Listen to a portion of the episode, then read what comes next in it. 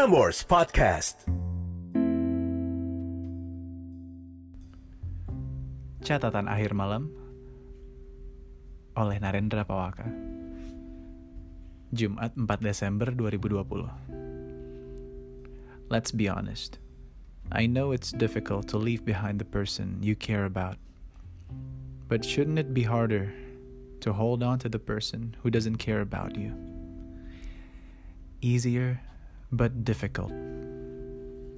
Malam ini ada Yuda. Yuda memiliki seorang pasangan yang bipolar. Pasangan Yuda ini sedang dekat dengan lelaki lain.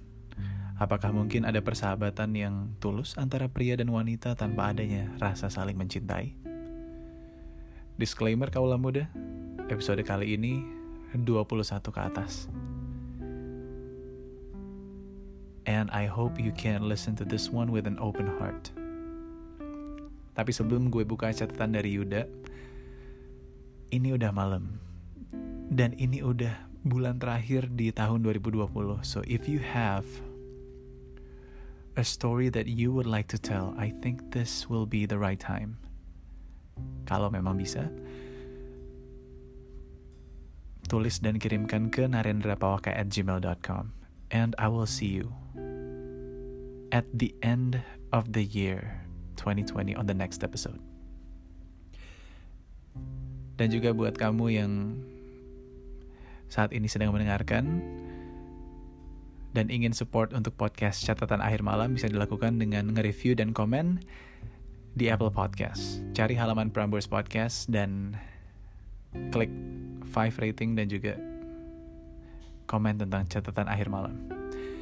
Dengan begitu, lebih banyak cerita yang akan di-share di podcast catatan akhir malam. So, thank you for doing that. Now, let's open the note from Yuda. Yang di mana subjek emailnya adalah persahabatan atau perselingkuhan. Dear Eda, Selamat malam, Dak sorry kalau tulisan gue acak-acakan.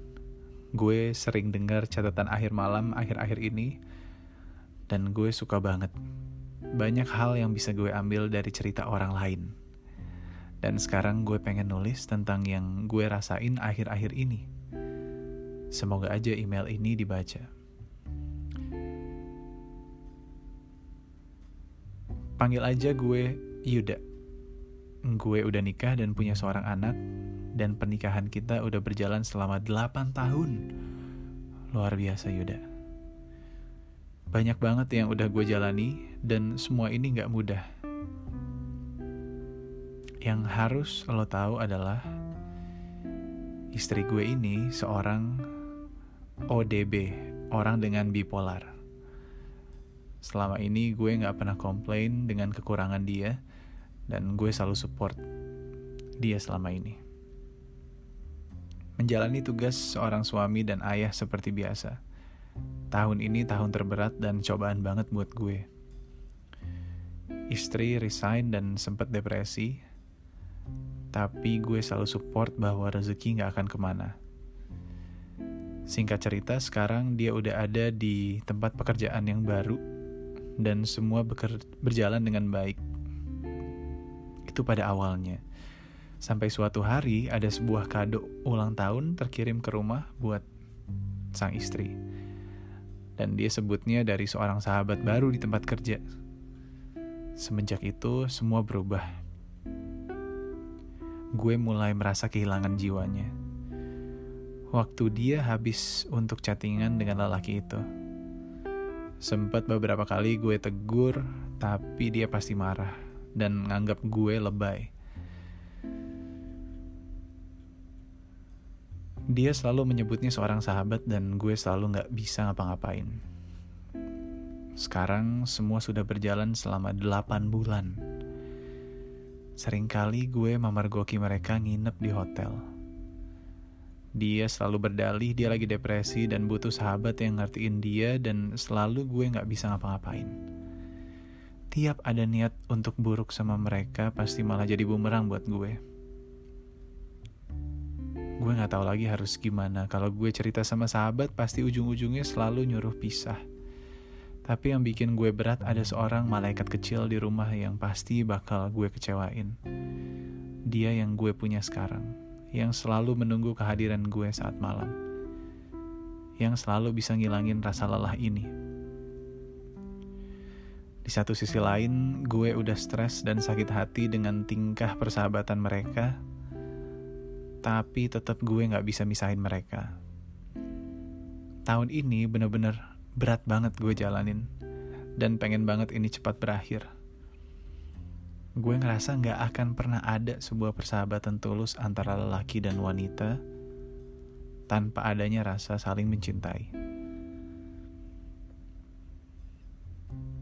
Ya saat ini gue cuma pingin didengar aja, walaupun gue juga masih bingung solusinya seperti apa. Makasih ada, udah mau dengerin keluh kesah gue. Terima kasih juga Yuda untuk catatannya. 8 tahun menikah, tiba-tiba ada masalah. Selalu kaulah muda. Masalah membuat kita semakin dewasa. Dan di setiap masalah pasti ada solusinya. Tapi malam ini gue jadi pengen fokus ke pertanyaan yang dipertanyakan oleh catatannya Yuda, apakah mungkin ada persahabatan yang tulus antara pria dan wanita tanpa adanya rasa saling mencintai? Terus tiba-tiba gue iseng cari di Google tentang problemanya Yuda dan ketemu sama artikel Should a married woman have a man as her best friend? Dan jawabannya adalah seharusnya tidak seorang istri seharusnya tidak memiliki pria lain untuk dijadikannya teman baik dan sebaliknya. So first, healthy friendship involves emotional intimacy as well it should. Deep friendship leads to a level of sharing that is selective and usually confidential. That means others are excluded from the conversations. When a woman shares intimate feelings with a man who isn't her husband, a wedge forms between her and her husband. He is excluded from the privacy she shares with her male best friend. And when this starts to happen, beware. The husband is on the outside, looking inward.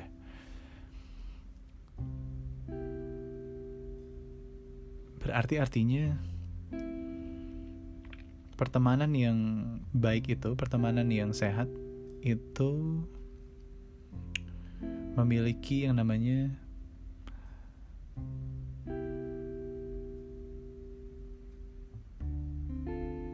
bonding emosi yang kuat antara sesama. Dan ketika seorang yang seorang istri menceritakan semua masalahnya ke pria lain, berarti suaminya tidak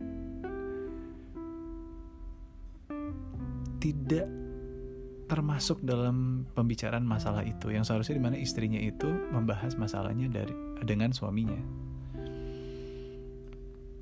So that is the first problem, emotional intimacy yang seharusnya di share antara sama pasangan suami istri ya. And second adalah physical intimacy yang ada juga di masalahnya Yuda sepertinya. Setelah emotional intimacy mungkin istrinya merasa kurang jadi butuh yang namanya physical intimacy. Dan masalah ketiga adalah anak. Ya kan? Jadi ada emotional intimacy ada physical intimacy dan juga perasaan anak lo seperti apa gitu. Kalau misalnya ada kaula muda yang ya jatuhnya belum bersuami istri tapi um, pacarnya misalnya lo cowok dan lo punya cewek yang punya sahabat cowok lain apakah bisa apakah mem, apakah boleh gitu? Apakah sebagai cowok lo membolehkan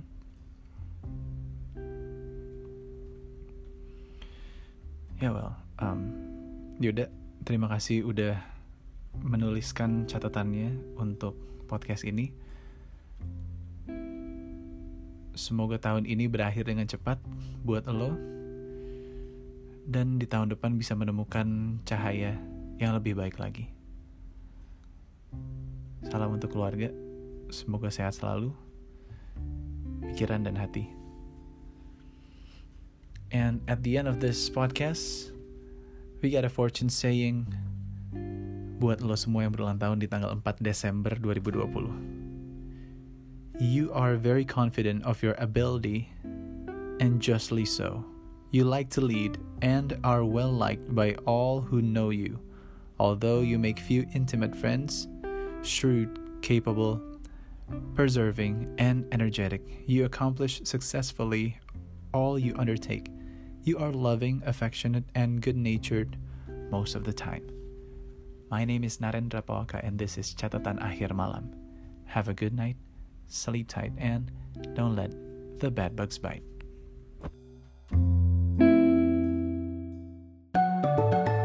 Frameworks Podcast.